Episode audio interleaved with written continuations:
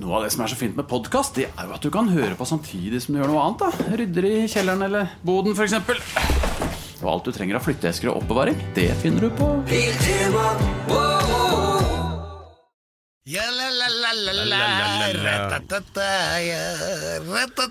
Da var det Bjørnson skrev igjen 'Jeg velger meg april'. Eh, og det gjør vi også nå, eller vi har ikke noe valg, for det er jo egentlig eh, april, eh, samme, samme hva. Dette er altså det aldeles nyopprettede Nei, det er, er jo ikke det, da, men i hvert fall fornyede og st- sterkt forbedrede Alex Rosén-show. Og her er han, eh, podkasteterens egen skrotum vulgaris. Alex Rosén, vær så god! Tusen takk, Pedro. Du ser så bra ut i dag. Du har fått inn ansiktsfarben. Ja, nei, det er, Denne gangen er det ikke blodtrykket. Det, er, det tok feil tabletter her. Jeg trodde det var fluortab... Nei, det er bare tuller. Men eh, Ja, du tar blodtrykkstabletter. Eh, ja, så ofte jeg kan. Eh, men i dag blir det jo interessant. Ikke bare skal vi få en forklaring på hva vi egentlig burde gjort med denne pandemien, vi skal også høre hvordan man i fremtiden skal forholde seg til både medier, podkast og fisk. Og ikke minst hvordan nynorsk poesi kan gjøres bedre. Oi, dette høres ut som en veldig allsidig person. Ja, det kan du trygt si. Og som egentlig startet på samme måte som oss i samme bransje som oss for eh, like lenge siden, dvs. Si veldig lenge siden. Eh, Men i tillegg til å ha drevet med bare tull og tøys, eh, som vi i grunnen har gjort, da, så har han også hatt sånne jobber hvor du får visittkort og sånn. Å, han har vært sjef. Ja, Utdanning og vekttall og Ja. Så det er bare å bøye seg i støv i grunnen. Ja, og han er faktisk eh, utdannet. jeg tror han har vært i fyllearresten én gang. Jeg vil si overutdannet. Ja, det En streiting som ikke er kjedelig, og det er jo ikke, det er jo ikke dårlig, bare det. Nei, Det høres veldig spennende ut. Nå gleder jeg meg. Og dialekt òg. Ja, Skarre òg. Akkurat. Så han er fra landsbygda. Ja, du er vel automatisk det da? Enten det, eller så være fra Frogner og hatt sånn der eh, guvernante fra Nord-Tyskland. Ja, og da er det sosiolekt. Ja, det er jo det. Eh, Ja, Juling får jo uansett. Ja. Dette her blir veldig spennende, Per. For en fantastisk dag. Alex Rosén Show. En podkast fra Radio Rock. Okay. Ja da, det er altså det eh, Det er nesten sånn eh, pinlig lettsmurte podkastproduktet Alex Show du har funnet frem til. Ja, jeg vil si Eh, sagnomsust. Ja, det også. Og eh, for øvrig, alle de andre adjektivene vil ikke best, øverst i skuffen. Men en ting er i hvert fall helt sikkert, at hvis du kommer hit og med en sånn utstrakt arm med en flaske alkohol i enden for å levere til oss, da, Ja. da skifter stemningen til svært positivt, Alex. Ja, det er jo helt utrolig. Jeg blir jo øm i hjertet. Ja, det tok helt oppmerksomheten min her, men øh, og nesten sånn at jeg nesten glemte at du skal jo faktisk forestå den da eh, heraldisk polerte introduksjonen, da, med paljettjakke og Altså, dessert. før så hadde vi årets tettsted og ukens tettsted. Ja. Og så på den pilsen vi har fått, så står det Voss. Ja, ikke sant, Det er et lite clou. Men uh, ta heller også ta deg sammen og sett i gang, vær så god. Ja, ukens gjest, mine damer og herrer, han er næringslivsmann. Ja. Han er ansvarlig for å ha fått inn lakseburger på McDonald's. Han er konsernsjef, og det er fett. ja, det er ass. Han er overutdannet innen økonomi. Han er mannen bak Gutta på tur-konseptet, TV2s flaggskip av et program, sammen med Vegard The Viking Ulvang, Bjørn Dæhlie og Arne Brimi. Og da vet jeg at da kan man spørre Kjenner du Bjørn Dæhlie, liksom? I tillegg har han vunnet masse priser. Gullruten flere ganger, han har skrevet flere bøker, og det høres ut som han er fra Voss, men han er født i Kristiansand. Ta imot, mine damer og herrer, Arne Hjeltnes! Fantastisk, Arne Hjeltnes. Ja, Du var legende allerede da jeg ble født. Ja, den, der, den, der, eh, den introduksjonen har jeg lyst til at Jeg lurer på om du kan være med meg rundt Ja. jeg My name is Alex, Ja. but I give you Listen to him first. Ja. Det går, Så det er jo sånn. ja, og så kan jeg komme inn i et møte. For, men du er på en måte min grand old man. Når jeg var ungdom, så var du stor, liksom. Men det er også vi var sammen i OL i 98. Ja, det husker jeg, men Det er veldig lite jeg husker fra 90-tallet, men Men da var vi, da var vi utegående reportere begge to. ja, det var vi. Du var for TV 2, og jeg var for NRK. Ja, så det var jo, det var jo magiske tider. Og så krasjet vi hele tiden rundt omkring. Ja, ja. For dette, det er jo, OL høres veldig stort ut, men det er jo en liten landsby det foregår i. Så alle springer rundt og intervjuer de samme. Ja, Så det var, men vi fikk, vi fikk lov å reise til Japan, da. Det er ja jo- Og så det er møtte jo- vi kongen. da. Ja, ja. Og keiseren møtte du han japanske Nei, han, keiseren. mø- han møtte du. Jeg møtte Ja. aldri keiser. Var det, var Ja, men jeg møtte han overalt. Han keiseren var jo overalt. Jeg møtte eh, t- ikke keiserinna, men eh, en eller annen i hoffet der. Ja. Men jeg kom aldri så nærme keiser. Ja, For ingen kunne se på keiseren, vet du, for da brant det i helvete. Ja, ja, de er, vel- de er jo veldig ordentlige, og jeg husker så, så godt siden eh, det snakket litt om øl. Jeg har også at I Hakuba, der vi holdt oss, der var det en eh, ølautomat ute på parkeringsplassen på jernbanestasjonen. Og så sto det skilt, det var ikke lov å kjøpe øl etter klokka ti. Men den sto ute. Men den virka etter klokka ti. Den men du bare- hele tida, men, Men ikke bruk den. men japanere gjør jo ingenting som er ulovlig. Så hvis du kommer der ett minutt over ti, så tenker shit, det, Det, var nesten! det hadde funka bra i Drammen, tenker jeg. Man hadde bare puttet på penger, og så hadde han stått og vist finger til alle. Så, ja, ja, ja. Men japanerne gjorde faktisk ingenting galt. Nei, nei. Og det, husker du hva, hva det førte til? Det førte til at politiet hadde på sirena og det lyset oppå taket hele tida. Ja, ja. Og så kjører de, hvis det er 50, så kjører de akkurat 50. Ja. Sånn at det er veldig, det er veldig Så de er Asias tyskere, liksom?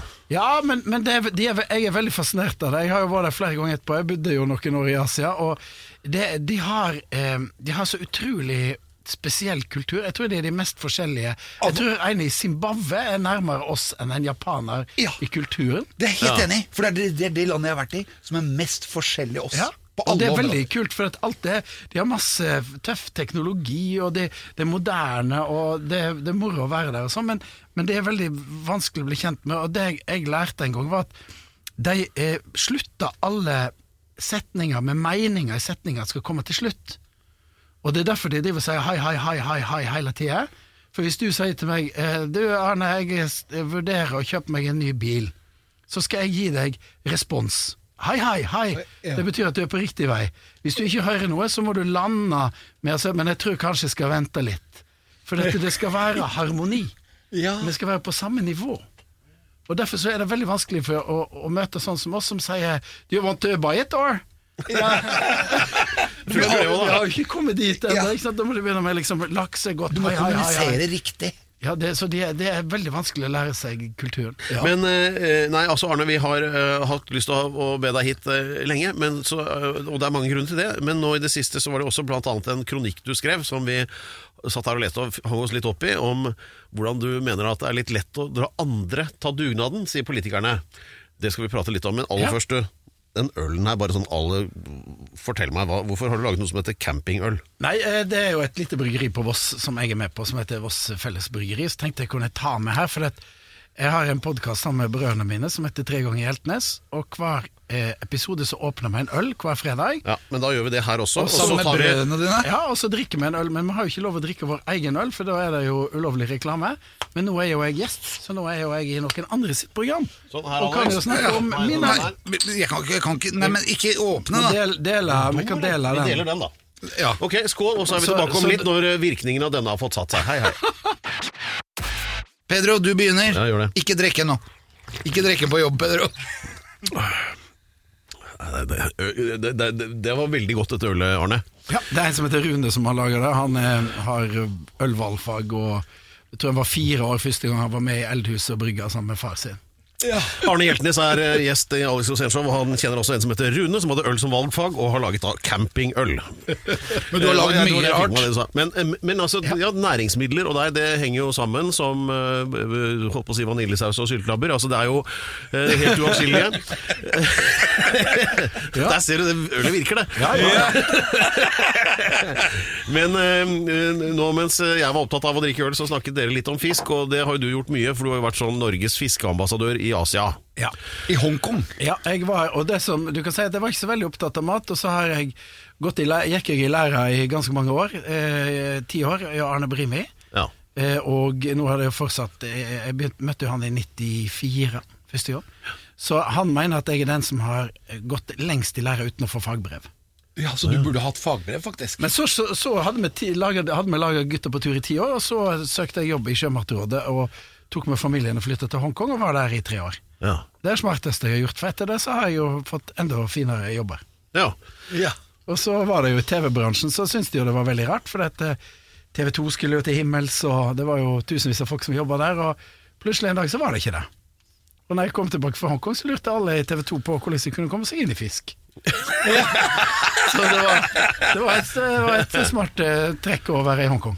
Ja, men du, du kom jo ganske langt. Du fant jo opp å lage en burger på McDonald's. Ja, jeg lagde en rap. Da jobba jeg i det som nå heter Movie, Marine Harvest. Du er en av de som, få jeg kjenner eh, som har fått gitt ut noe på McDonald's. Ja, ja, det var, det, det var en som heter Theo Holm, som var sjef i McDonald's, og som gjerne ville ha et lakseprodukt. Og så lagde vi en, en sånn eh, slags uh, rull, da, en, en, en stikk. En fiskepinne som bare var hei, bare laks. Ja. 100 ikke noe annet. Og så solgte vi den på McDonald's, og, gikk, og så hadde vi wasabisaus og sursøtsaus. Og gikk eh, relativt bra. Dette var jo et selskap som Jon Fredriksen eide, og jeg tenkte at her er viktig å få litt PR. Så jeg klarte å lokke Jon inn fra hytta si ute på, utenfor Tønsberg på Tjøme der, til å komme inn til McDonald's i Tønsberg for å bli tatt bilde av VG, da. VG lovte jo hel sida hvis du fikk Jon til å gå på Mækkern. og han kom og kjøpte den der eh, ra- lakserappen, da, som var jo da eh, både sunn og med wasabi-majones, og så sier han da 'Sausen er jævla god'.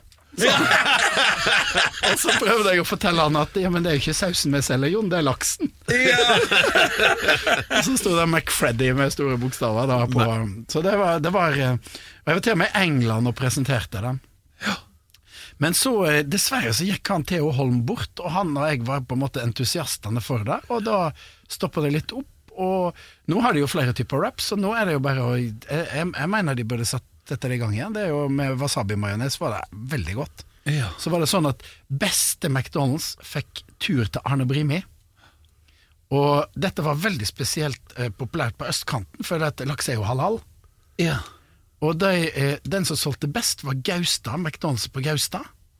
Så alle de der tok jeg med opp til Arne Brimi, og det var jo stort sett folk som var jo andregenerasjons eh, innvandrere. Og det hadde jo aldri hett rype før. og fløytesaus og alt mulig, så det var jo, det var jo en fantastisk opplevelse. Så de var utrolig, det var en utrolig trivelig tur. Men, men, men Gaustad er jo ikke en sånn typisk kystkommune, egentlig. Nei. Hvis du, det er Gaustatoppen som er liksom midt i Nei, jeg tenkte på Gaustad på, oppe på, her på Ringveien. Åh! Det var den McDonald'sen som var.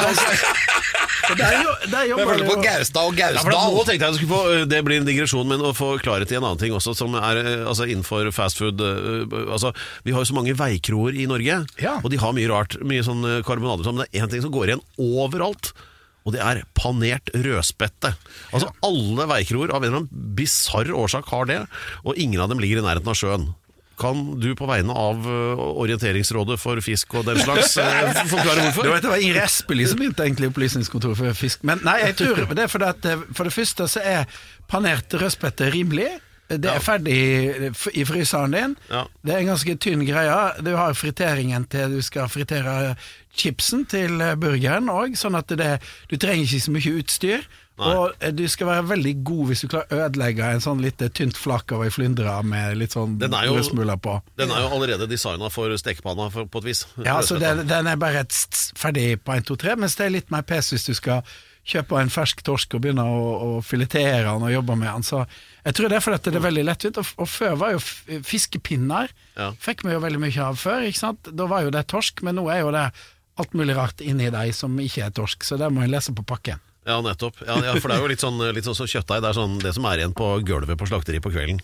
Ja, nei, altså det må, må kjøpe, Man må kjøpe ordentlig fisk, men, men det som skjer her i landet, er jo at du kan jo gå i sånn billigbutikker. I dag så ligger det jo fersk fisk i sånne små eh, gjennomsiktige bokser.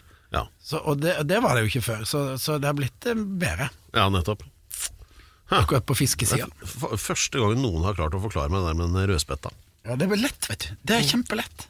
Kjempebra, Du trenger Da lærte du noe i dag. Trenger ikke også. fagbrev, vet du. Nei, det er deilig. Alex Rosén Show podkast. Pedro, vær så god. Takk skal du ha.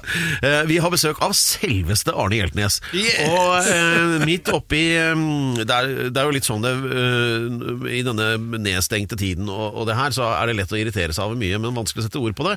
Men det klarer Arne Hjeltnes, eh, blant annet i en eh, sånn kronikk som ble publisert tror jeg, på NRK sine websider, da, eh, hvor du skriver om at det er lett å la andre ta dugnaden. Eh, og det syns jeg var interessant. Altså der, um, jeg kan ta et sitat her, bare sånn for å få folk med litt på hva det dreier seg om. At uh, vi er i ferd med å få politikere og et statsapparat som er helt kobla fra det å uroe seg over hvordan en skal skaffe seg inntekt. Var det på Voss-dialekt? Forsøksvis, ja. Men, eh, men innholdet er jo eh, åpenbart da? Altså at eh, man sitter liksom og fordeler og forvalter og vet ikke hva som egentlig foregår i verden. Det er det du sier om politikerne da. Ja, og det blir mer og mer proft, ikke sant? så det blir, en egen, det blir et eget yrke. Så, eh, og eh, hoveddelen av de som sitter og bestemmer nå i nasjonen vår, de har jo vokst opp i politikken. Ja. De, de veit ikke hvordan det er om ikke sant? Eh, Jeg er jo frilanser, Alex er frilanser, du er De deler ut penger, og ingen får dem. Nei, og, ja, og så er det, det er et eller annet med å skjønne hva det egentlig eh, ligger bak av innsats for å tjene ei krone. Ja. Og så irriterte det meg da at eh, jeg har veldig mange venner i eh, reiselivs- og servicenæringa, og har vært veldig mye i Finnmark i siste månedene og jobba litt der. Og, og det er klart at der er det ingen som er smitta. Det er ingen, og, og det er ikke noe sånn i utgangspunktet veldig, alltid veldig store fordeler med å bo i Finnmark. Men de har den store fordelen at det er ikke så lett å bli smitta av eh, ting der oppe, for det, det er langt mellom folk og Og reinsdyr smitter jo ikke. ikke sant? Sånn at, og da har de liksom den fordelen at da kan de jo egentlig få lov å leve der oppe og, og gå på puben og servere litt mat hvis de følger smittevernreglene. Ja. Men ikke engang den fordelen skulle de få nå da, i, for eksempel i påsken. ja, det er sant. Det er urettferdig. Jeg syns det er veldig urettferdig, og Ja. jeg syns det er helt feil å kalle det dugnad. For det at over halvparten av nasjonen har eh, riktignok kanskje litt trist på hjemmekontor, men full lønn og null rente, og, og, og, og polet er åpent og sånn. Og, og så er det da de som jobber i f.eks. service- og reiselivsnæringa, de eh, har ikke jobb. Nei. Og det er jo, øh, jeg sitter, Det traff meg veldig, der, for at jeg, tenkte også litt det samme for øh, Man sitter og ser på disse pressekonferansene, og så sier da de her politiske dyrene ikke sant? De sier at ja, her må næringslivet være med på å ta et løft. Og det, det eneste de vet, det er jo altså, om Hydro og liksom disse store konsernene. Altså Næringslivet i Norge det er jo først og fremst en million sånne småbedrifter med én eller to ansatte. Og de har jo ikke kjelleren full av penger Nei, til Så får holde de ikke noe særlig støtte heller, for det, det, det er lagt opp slik at du får dekka en del av de faste kostnadene. eh, Hvis du har veldig stort inntektsfall. Men hvis du f.eks. eier fjellstova oppe der som Brimien er fra, da, Bessheim fjellstove, så er, har den vært i familien siden 1860. Så du må regne med at mye av gjelda er nedbetalt. Ja, Hvis ikke så har de gjort en dårlig avtale. Så du har ikke noe særlig husleie. Men, eh, men du har null i inntekt, for det kommer ingen. Du får ikke lov å ha åpent, ikke sant? Eller du får ikke lov å selge alkohol, og det er ingen som gidder å komme. Da hjelper det jo ikke om du får dekka litt av de faste utgiftene dine, som er 3000 kroner til strøm, Nei. hvis du ikke har eh, hvis ikke har inntekter. Nei. Så det, det var det jeg var litt irritert på. Og så var jeg litt sånn irritert på at de egentlig hadde sagt at denne bransjen har egentlig vært flink å passe på rundt omkring i landet med, med avstand og, og vaske hendene og alt dette. Som har, det har egentlig vært ganske pliktoppfyllende i, i, i serveringsbransjen, og det er en bransje som er vant til å bli kontrollert. Og så to dager før påske så Nei, det får ikke ha åpent allikevel. Og det synes jeg, det var det jeg reagerte på. Ikke, Jeg er ikke sånn som skal brenne munnbind og er mot vaksiner og sånn i hele tatt, men må ha litt forståelse for at folk da har handla inn rødspette. Kjøpte massevis av rødspette og er klar for at det skal komme folk. Og ingen vil jo ete rødspette uten en øl. Nei, Men det, hva er det som er problemet? Hva, eh, hva, er, er det noen som ikke får med seg virkeligheten her, eller? Ja, jeg tror at du tenker ikke, og det plutselig så syns du det er kult å si at nei, men vi tar nasjonal skjenkestopp. Og så er det egentlig ikke der folk blir smitta på en hyggelig kro i Alta, der det er én meter mellom hver eneste som sitter der, og de skriver opp alle som kommer inn, og du får eh, håndsprit og sånn. Mens du kanskje er på en, på en fest folk blir smitta, som er hjemme hos noen, eller der du ikke følger reglene. Så hvis de var, virkelig var tøffe og trodde de skulle stoppe dette helt opp, så ville de jo, burde de jo stengt polet og stengt dagligvaresalget av alkohol, men da ville jo hele Norge vært mot dem. Nå er det jo bare en liten gjeng fra reiselivet som syns det var dårlig gjort. Mm. Men mener du at politikerne er litt vindskeive, da, eller? Ja, jeg mener at de ikke helt De, de skjønner liksom ikke helt hvordan det er å sitte der og lure på om kommer det gjester i dag, eller kommer det ikke, eller hva skal til, hvordan blir året i år? Det er jo som hvis, hvis du reiser rundt og er artist, da. Ikke sant? Hvor mange billetter selger vi? Hva Blir det noe inntekt denne måneden? Får jeg noe hyre? Blir det konsert i Ålesund eller ikke? Ikke sant? Men hvis du bare har vokst opp med at det kommer jo pengene kommer jo på konto uansett hvordan verden ser ut, så, så mister du litt den kontakten, da. Og så er det litt selvsagt at næringslivsfolk er ikke alltid så ivrige etter å engasjere seg i politikken, men det blir vanskeligere og vanskeligere, for det er veldig sånn Det er en profesjonell gjeng, og de som De har liksom sitt system, og hvis ikke du er inni det nærmest fra du er ungdom, så, så har du liten sjanse for å lykkes, da. Jeg tenkte på den der formuleringen med at uh, disse da, i statsapparatet, eller politikerne, da er kobla fra det å uroe seg over hvordan man skal liksom ha For det er jo de fleste som driver en virksomhet, det går jo sånn nesten i null hele tiden. Altså, det er jo en kamp hele tiden for å få ting til å gå rundt. Uten og det er den pandemi. bekymringen man eh, lever Ja, ja, eh, pandemi eller ikke. Og det er jo sånn man lever livet sitt. Men hvis man da har levd et liv uten noensinne å bekymre seg for noe som helst, for det er en naturlov som sier at pengene kommer inn på kontoen min uansett. Hvis du aldri har kjent på den, så tenker jeg liksom, da mangler du et eller annet for å forstå det, da, hvordan folk har det. Gjør du ikke det? Jo, jo, og jeg syns jo jeg, eh, Nå er jo ikke jeg konsernsjef lenger, nå er jo jeg 100, egentlig 100 selvstendig næringsdrivende, og jeg, du opplever jo det at plutselig så eh, blir masse greier avlyst eller flytta. Og da må du prøve å finne på noe annet, skrive en artikkel, gjøre et eller annet. For Ja. du må jo betale regningene, og, og frilansere i kulturlivet får jo ikke ei krone. Ikke en krone. Ikke sant? Så, sånn at, men da er du jo, hvis du har levd det livet lenge, da, så, så er det jo ikke synd på meg. Jeg klarer å finne på et eller annet. Og så, Du er eh, voksen, vet du. Og så driver jeg på. Men, men, men det, å, det å vite at nå må jeg jo faktisk ta meg sammen og finne på et eller annet, for neste uke så eh, skal jeg jo betale masse penger til Voss Sparebank, og da, da må jeg jo sørge for at jeg har noen inntekter òg. Så det er der jeg tror at Egentlig så mener jeg at det burde være åremål å sitte på Stortinget. Maks åtte år, og så ny gjeng. Ja. Sånn at eh, du ikke får At det ikke blir altfor proft.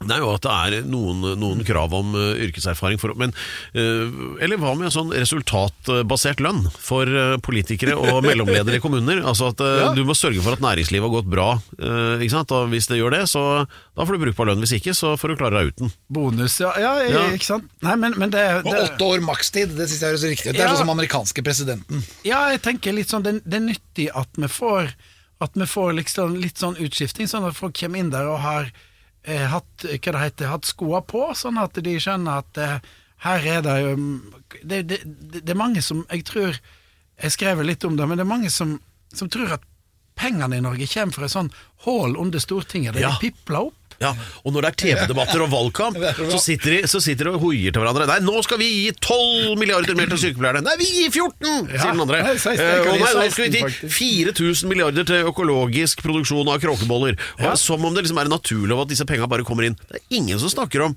Ja, ålreit, men vi skal slutte med olje òg, da. Så hvor skal vi få pengene fra da?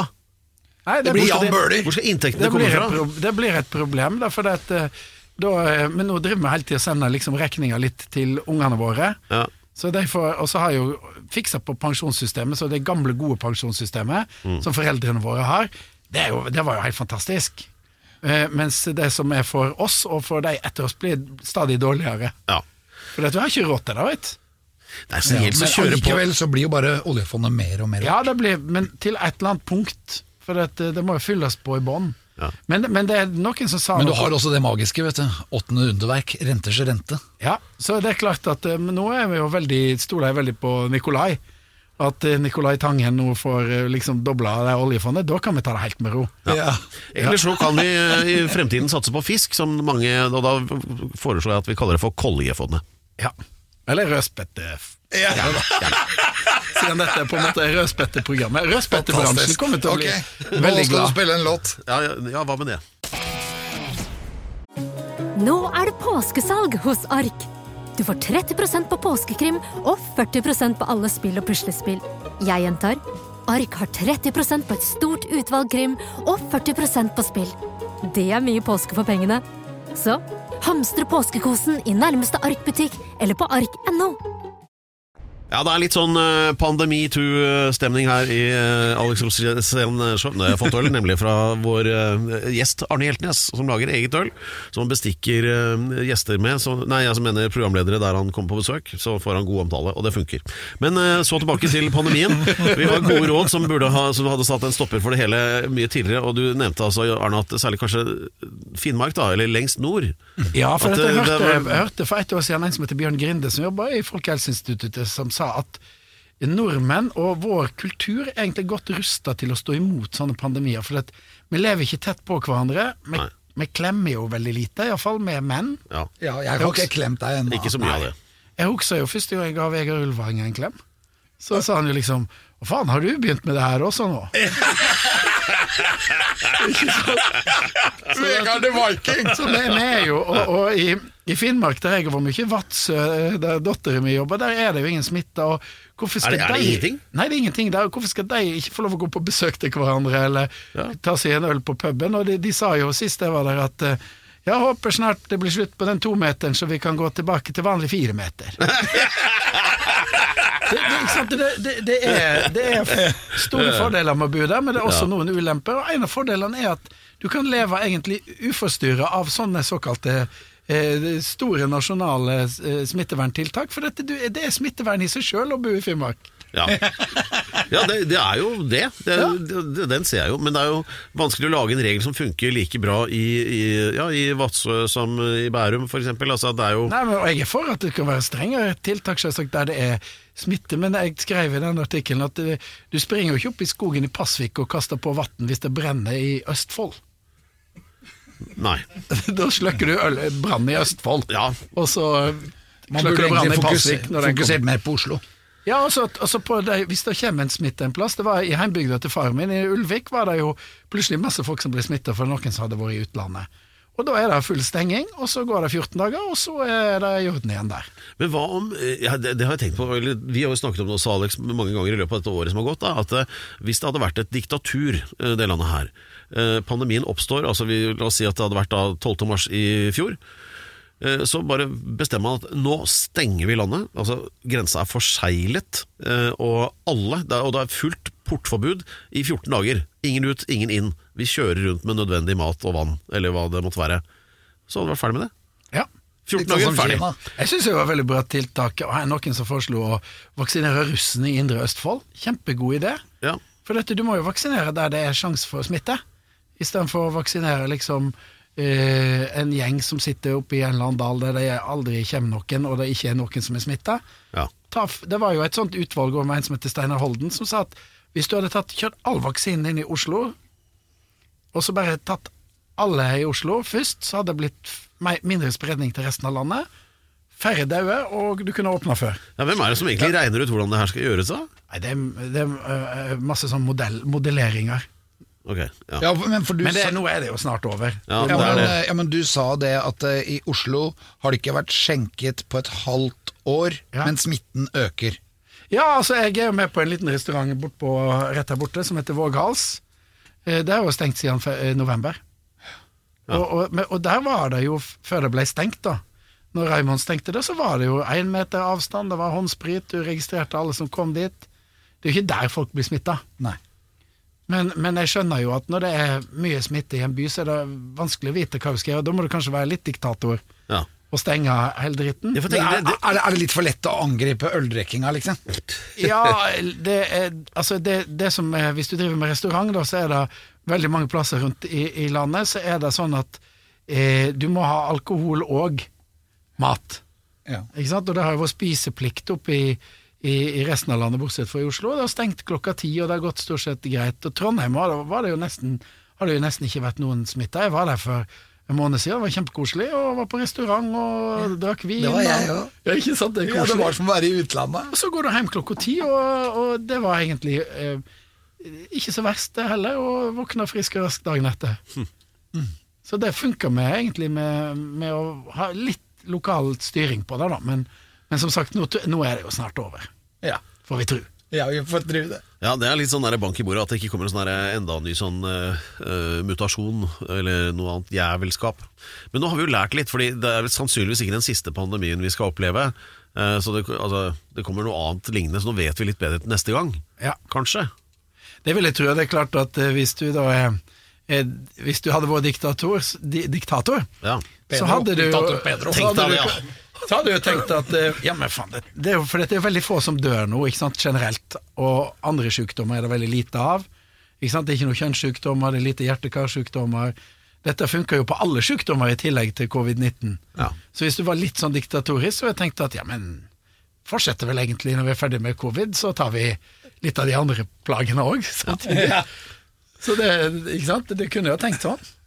Og en annen ting som jeg hadde innført hvis jeg hadde vært diktator i Norge, det hadde vært eh, høytlesning av nynorsk poesi på starten av skoledagen. Litt mer om det om litt. Alex Rosén Show. En podkast fra Radio Rock. Da er vi i gang igjen, Pedro. Ja, vi er det, altså. Og eh, jeg er jo like glad hver gang vi kan snakke litt om nynorsk, Alex. Det, Ja. det er fordi altså, vi er så heldige å ha det eh, målføret der, i tillegg til det vi bruker mest, eh, fordi det er veldig poetisk. Altså, de har sånne ord som uh, verdsomfemnande. Altså, det er så mye mer sånn kropp og sjel i det. Er du enig, Arne? Ja, eh, eh, mitt favoritt eh, nynorskord jeg tror jeg kanskje er framifrå. Framifrå. Framifrå. Framifrå. Jeg bruker det mye. Er det- jeg har ikke tenkt på som Det er top nynorsk. of the pops. Men, har, Det altså, det. men altså, når det gjelder da poesi, som vi snakker altfor lite om uh, her altså, sånn, altså Haldis Moren Vesaas, Olav og Hauge Vi har mange gode eksponenter, men vi har en her også. En norsk, ny, ny, nynorsk lyriker, Uh, Arne Hjeltnes. Uh, som jeg antar er godt over middels opptatt av språk. Ja. Eh, og nå skal vi gjøre en ting. Jeg, jeg, du skjønner, jeg, jeg hang meg veldig opp i et dikt du har skrevet for en del år siden. Eh, Som jeg har lyst til å fremføre. Ja. Men så, Ja, men, så, uh, men så tenkte jeg det at jeg skal stoppe rett før den siste setningen. Uh, da, bare pek, da tar du over, Fordi det, det blir best hvis du bare tar akkurat den. Ok. Ja, er- er se Pedro! Pedro. Ja, dette er fint. altså. Det handler liksom om vår oppvekst. Live and direct. Vær så god. Folkens, hold dere fast. Ok, her kommer den. Da Derek var liten, heter det. Jeg lurer på hva Derek gjorde da han var liten. Fikk han kjeft når buksa var skiten? Jeg lurer på om Derek hadde ost på maten, om han òg kasta den blaute tomaten. Satt Derek og teikna når læreren så vekk, og lagde små skurker med penn og med blekk. Stal Derek små epler fra naboens tre, eller tok han små vener som sysla med det? Skreik Derek høgt av et stikk BCG, eller kremte han bare og nikka av det? Om kvelden når Derek var ute en tur, vart far hans sinna og mor hans sur. Gikk alltid Derek med riktig refleks, og, hvordan er dette med Derek og sex? Han sykla nok ikke uten si lykt, og sa aldri noe som var særlig stygt. Han kom nok på skolen vaska og rein. Og bak på sykkelen satt Harry Klein. Veldig bra. Og da, da, da jeg elsker det diktet. Det var Per Hustad og Arne Hjeltnes som las. Og til slutt var det forfatteren sjøl som las. Ja. Nei, det var veldig kjekt. Det var, det var, jeg var jo så heldig jeg fikk møte Derek en gang òg, vet du. Å ja. Det var da jeg skrev bok om TV-helter på 70-tallet, og så ble jeg invitert til å være gjest i Se og Hør sin eh, påskekrim. Å ja. Hvis du husker, så hadde de sånne bilder, sånn påskekrim, oh, ja, sånn billedkrim, og da var det Solfrid Rødlien Saue fra Voss, Selvsagt. og så var det Roald Øyen, Ja. og så var det jeg, og så dro vi opp der som Derek har hytte oppe på Tranøy, Ja. og så var det da påskekrimmen Hvem drepte Roald Øyen? Ja. Og så eh, var det da Derek som oppklarte da Sånn at uh, han var, Det kom jo da i neste nummer Etter påskenummer Så kom, for, kom da avsløringa. Der står da ikke sant, Stefan Derek eller Horst Tappet Som han heter Og peker på Solfri da. Og ja, det var hun som Det var hun som var morderen Og jeg var, den, jeg var mistenkt en periode. Og da var det Når vi reiste opp dit Så eh, var jeg den eneste som kunne tysk For jeg har tysk tante. Oh, ja. Så jeg måtte være med bort og hente Derek og vi måtte være veldig stille, for kona hans sov. og så var jeg med og henta han, og så tok, var han borte, og så tok jeg de bildene kjempekjapt. Ikke sant? Det var bare bang, bang, bang. Og så hadde Solfrid med presang til Derek. En pose med litt forskjellige ting. En kokebok, et maleri hun hadde laga, og ei sjokoladekake. Det er koselig, da. I sånn der form med sånn der klips på. Ja. Og så sier hun da at eh, hun måtte ha igjen den forma. og han var jo Han ble veldig måpende der jeg lurer på hvem jeg Hvorfor får jeg alt dette her?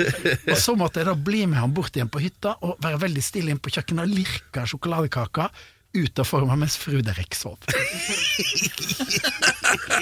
så det var Og så var det jo bare Fru Derek.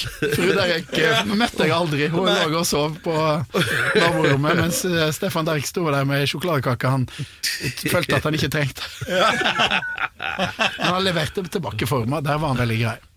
Å, herregud. Det er sånn eh, ja, Men altså, hva er det med han derre Derrik, altså? Av mye, for å si det mildt. Han var den som lærte meg tysk. Og det husker jeg ennå hva jeg lærte. Ich habe keine Angst. Harry hol eh, das Wagen, das Auto. Og, Harry kjører fram og så var han jo eh, ungkar i serien. Det var aldri noe dame. Det var, ikke sant, Amerikanske detektiver så var det alltid mye damer, og sånn som Kojak hadde jo jævla mye damer. Ikke sant? Mens Derek han Hadde bare han hadde ikke noe Klein. privatliv. Ikke sant? Mens Harry Klein var litt mer sånn sjarmør. Ja, han var kjekk, ass. Ja, så han kunne du tror egentlig sjekke opp litt sånn eh, tidligere mistenkte, iallfall. Det, er- det er veldig sånn Oppskrift til Derrik var veldig sånn eh, En industrileder, direktør blir drept. Og det er alltid kona og hennes nye elsker som har gjort det. Og når de kommer og ringer på, så kommer det alltid en fyr ut i badekåpa. Og det er alltid han som har gjort det, og så etterforsker de litt forskjellige Og det er da du må følge nøye med, for hvis du hadde skikkelig flaks, så kunne du få sett eh, liksom en liten snurt av en pupp. Nemlig, i de episodene. ja, det var litt mulig. vågale. Det var, det var det eneste Og- og stedet så på det TV det gikk sånn som Alex sa, jeg lærte tysk, for dette, det var veldig sånn pedagogisk lagt opp. Kriminalpoliti. Ja. Skriv kriminalpoliti. Es var eine alte dame. Skriv es var eine alte dame. Og da står det på rulleteksten, og etter til denne serien hører et elevhefte som en kan få ved å skrive til Syddeutsche Rundfunk.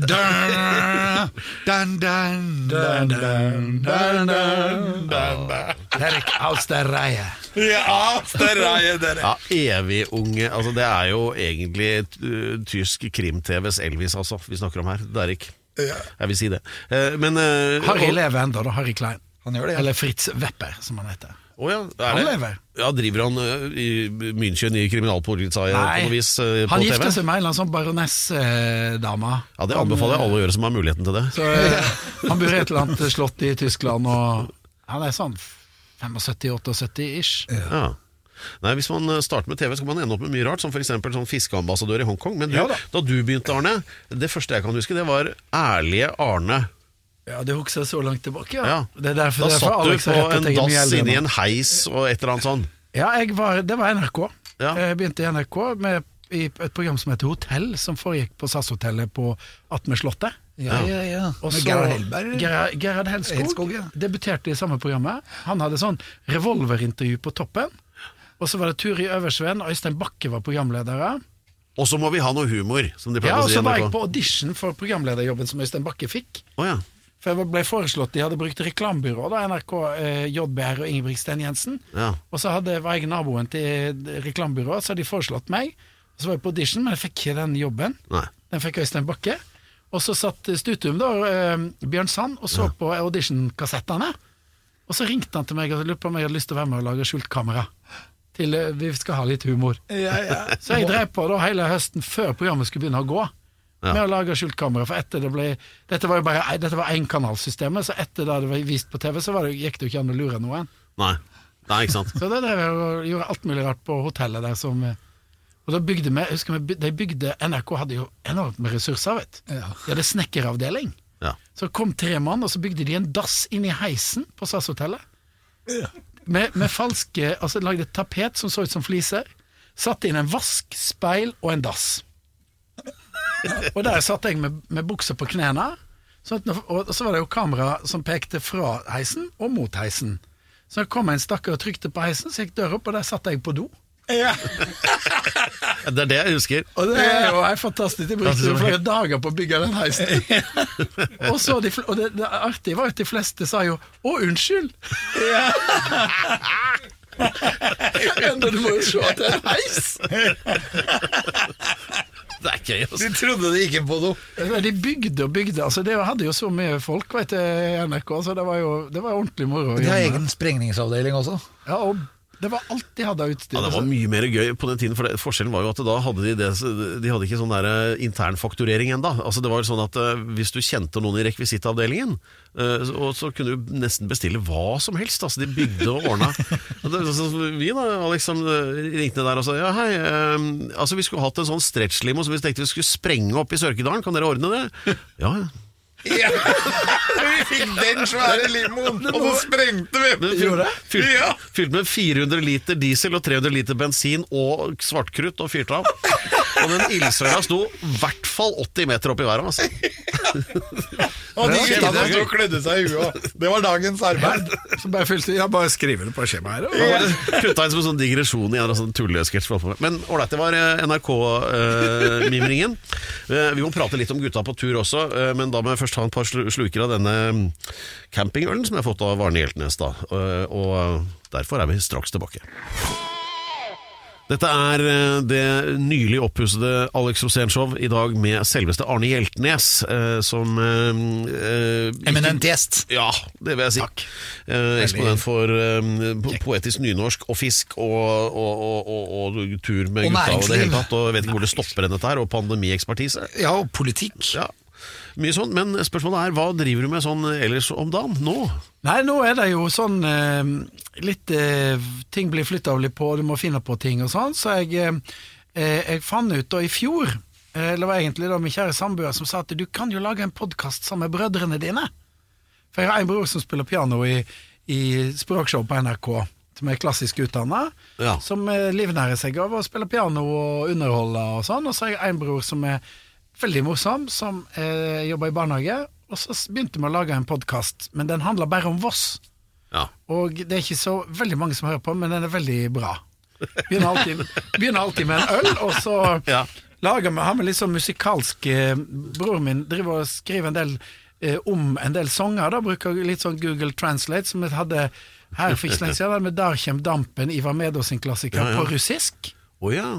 Og så har vi for eksempel For Your Eyes Only hadde vi på eh, nynorsk. Hvordan blir det da? Dar kjem dampen, gamle dampen. For det er sånn russisk sånn dum, da, da, da, dai, da, da, da, dai, da, da, da, da, da, da, dai. Det er sånn veldig russisk, vet du. ja, ja, ja. Så hadde vi, vi hadde Eirik Kvalfoss som gjest, og da hadde vi med for filmen For Your Eyes Only, så var nemlig skurken i James Bond-filmen skiskytter.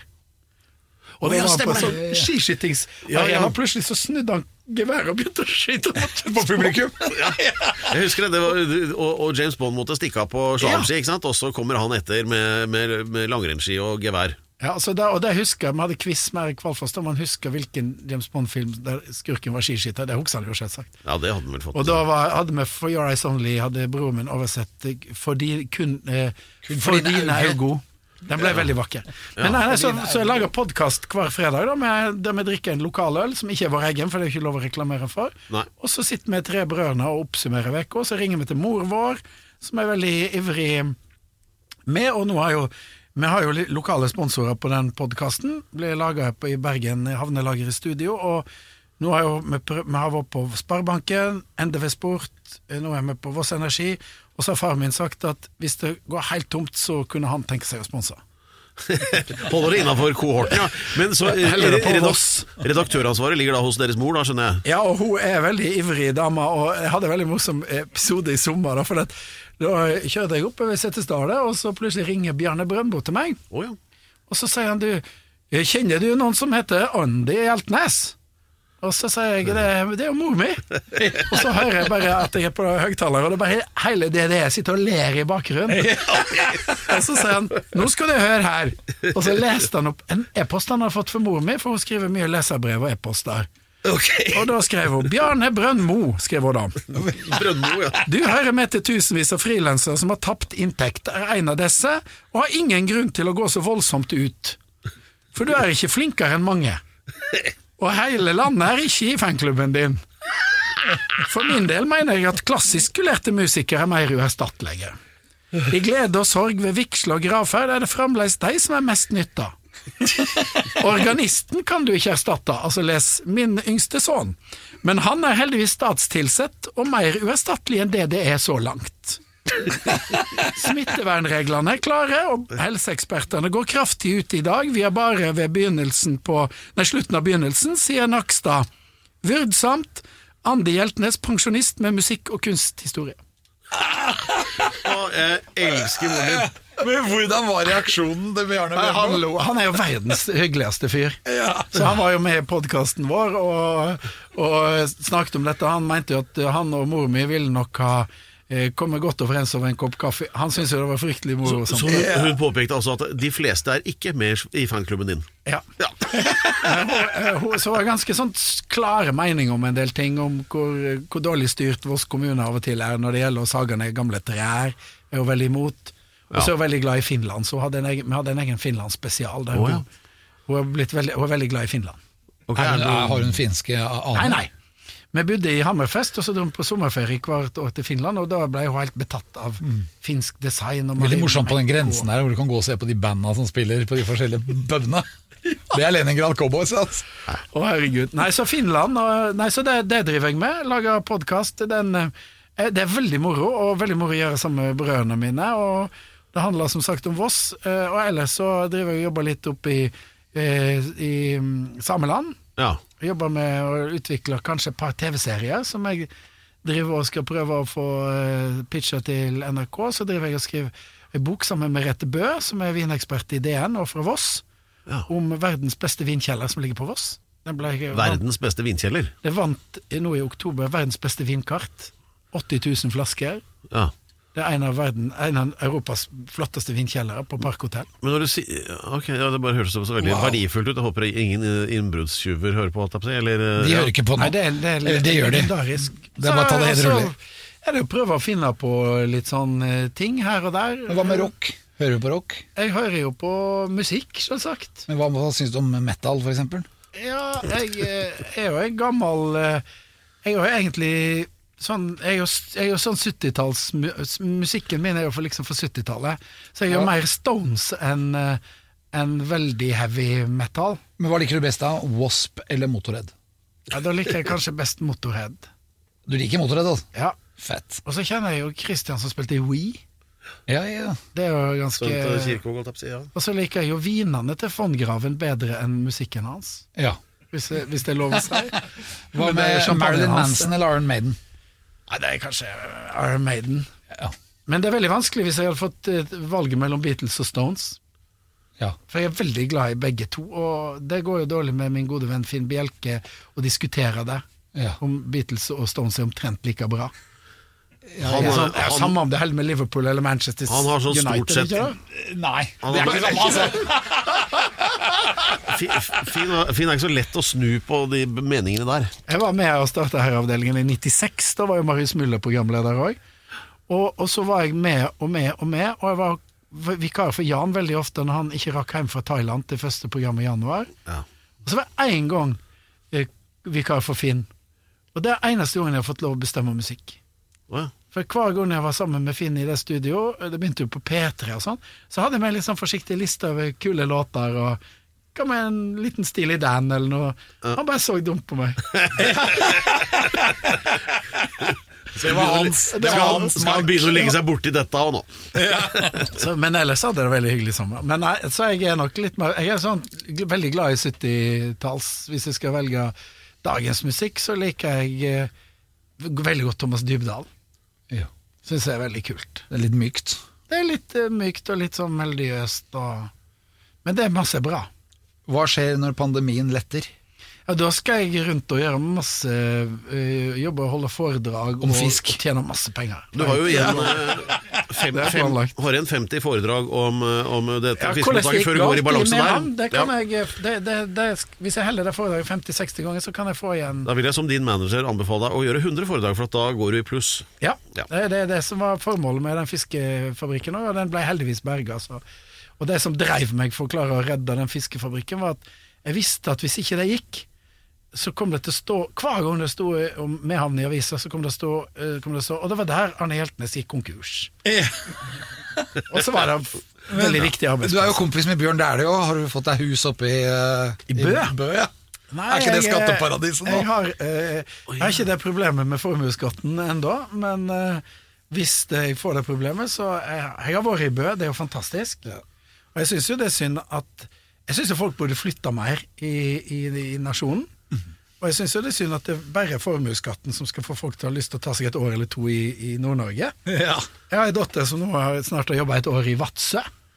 Og det er jo en opplevelse som jeg er sikker på hun kommer til å Når hun ser tilbake på det, kommer til å være en berikelse, og, og virkelig følt Finnmark på kroppen. Men Men jeg, det er jo greit i Bærum òg. Ja, det er fint, i, fint spesielt nå om sommeren og sånn. Ja, du bader vel litt, da. Ja, Da kan du bade. Jeg liker at du sier 'nå om sommeren'. Eh, det, da har du vært mye i Nord-Norge. Men eh, og det der du sier at du skal er, driver også og utvikler TV-opplegg der oppe, det har jeg tro på. fordi at eh, en annen sånn eh, Altså Dette Gutta på tur er vel liksom som, som slags sånn flaggbærer av norsk TV de siste 20 årene. Altså Det er jo noe av det største vi har hatt. Og, eh, og da har du også kommet opp med ideen om at hva om vi tar da eh, de to som er veldig gode til å gå på ski, da, Vegard Ulvang og Bjørn Dæhlie, men ikke noen sånn store kommunikatører, vil jeg si. Og, eh, og, og en, en veldig, veldig bra kokk, han der uh, Hjelp meg nå, Brimi. Som er kjempeflink og kjempehyggelig. Du skjønner ikke hva han sier. Vi tar de, vi, og så drar vi på tur, og så blir det kjempebra. Men det er jo smart, for du fremstår jo dritbra. Ja. Men du må huske at de var jo, de var jo da eh, ikoner i, i 94 når vi begynte. Ja. Så de var jo like berømt som liksom Klæbo og Northug til sammen, hver og en av de. Ja. Vegard fikk jo oppkalt dette flyet etter seg. Ja. Ikke sant? Eh, og sånn at det, Vegard the Plane. Ja, det heter Vegard Viking, tror jeg. Men, men, eh, men eh, eh, jeg sleit Det tok to år før meg egentlig eh, det ble noe ut av det. For at i TV 2 så ville jo ledelsen der at eh, eh, du må bli kvitt han kokken. Sa de. Og du sa det, ja. Du må få, du må vel, er dette det beste Kokke-Norge har å tilby? Det er ingen som skjønner hva han sier. Er så det- det- det- Vi må- du må jo få, Sånn. du må få tak i en bedre kokk. Altså. Dette, dette Da går hadde det ikke funket. Og jeg sa, jeg sa at uh, han blir bra, bare vent. Og han blei bra. Han ble bra. Sånn Ja. det, men jeg tror at sant, det var den gang, så nå må en finne på andre ting. For at, eh, det vet jo alle det som har jobba med TV òg, at det er Det kommer alltid noen nye konsept og nye konsept og nye konsept, så da må du finne på noe nytt. Akkurat som du reiste til Bleik, var jo en kanonidé. Ja, eller reiste til Nordpolen. Ja, ja. Sånn Det var gutta på tur, det òg. ja, det var ordentlige gutta på tur, så jeg tror, jeg tror det er ikke det, skal være, altså, det jeg lærte i hvert fall av Bjørn og Vegard, er at eh, du skal være forsiktig med comeback. Ja. Det er Du- ikke du som blir deg, Alex. med det Alex gjør du det i snitt en, et sted mellom 7 og 11 comebacks hvert år. Hvert år, hvert år. Det står hvert år. Nytt comeback. Altså mange comeback. Det, ja, ja, men, men akkurat sånn Jeg tror vi gjorde et comeback når TV 2 var 25 år og var på tur med dronninga og litt sånn forskjellig. Da, og da, det var nok sikkert ok, men jeg tror eh, Litt usikker på om det blir flere comeback. Kanskje Jo, vi må ha mer comeback. Vi må ha Bjørn Dæhlie live hele tida. Ja, da må vi ha kanskje om et eller annet jubileum, da. Ja. Hva blir det da? 50 år. 50-årsjubileet? Ja. ja. ja, det kan kanskje være bra. Ja, Det er greit å ha litt tid å planlegge det på. Ja, jeg, jeg, jeg vet ikke, hva, øh, Føler du deg nå fullendt som uh, Som menneske? Ja. Ja. jeg gjør det. Ja. Det var veldig hyggelig. Tusen takk, Arne det, det, var jo fantastisk å få være med på. Det var veldig hyggelig at du kom. At du hadde tid oppi alt det du har å gjøre. Ja da. Eh, vi må takke Lance, vår eminente eh, researcher. Ja. Han har jo funnet deg. ja. Og så må vi tenke Remi bak spakene. Og Pedro Gianfranto Loca de la Ustados. Det er han på generelt søreuropeisk. Fantastisk programleder. Veldig våken. Og tusen takk, Arne Hjeltnes. Og takk til meg selv. Alex Rosén, all right, everybody, right now. Yeah. Alex Rosén Show på Radio Rock. Ny episode hver fredag der du finner dine podkaster. Radio Rock.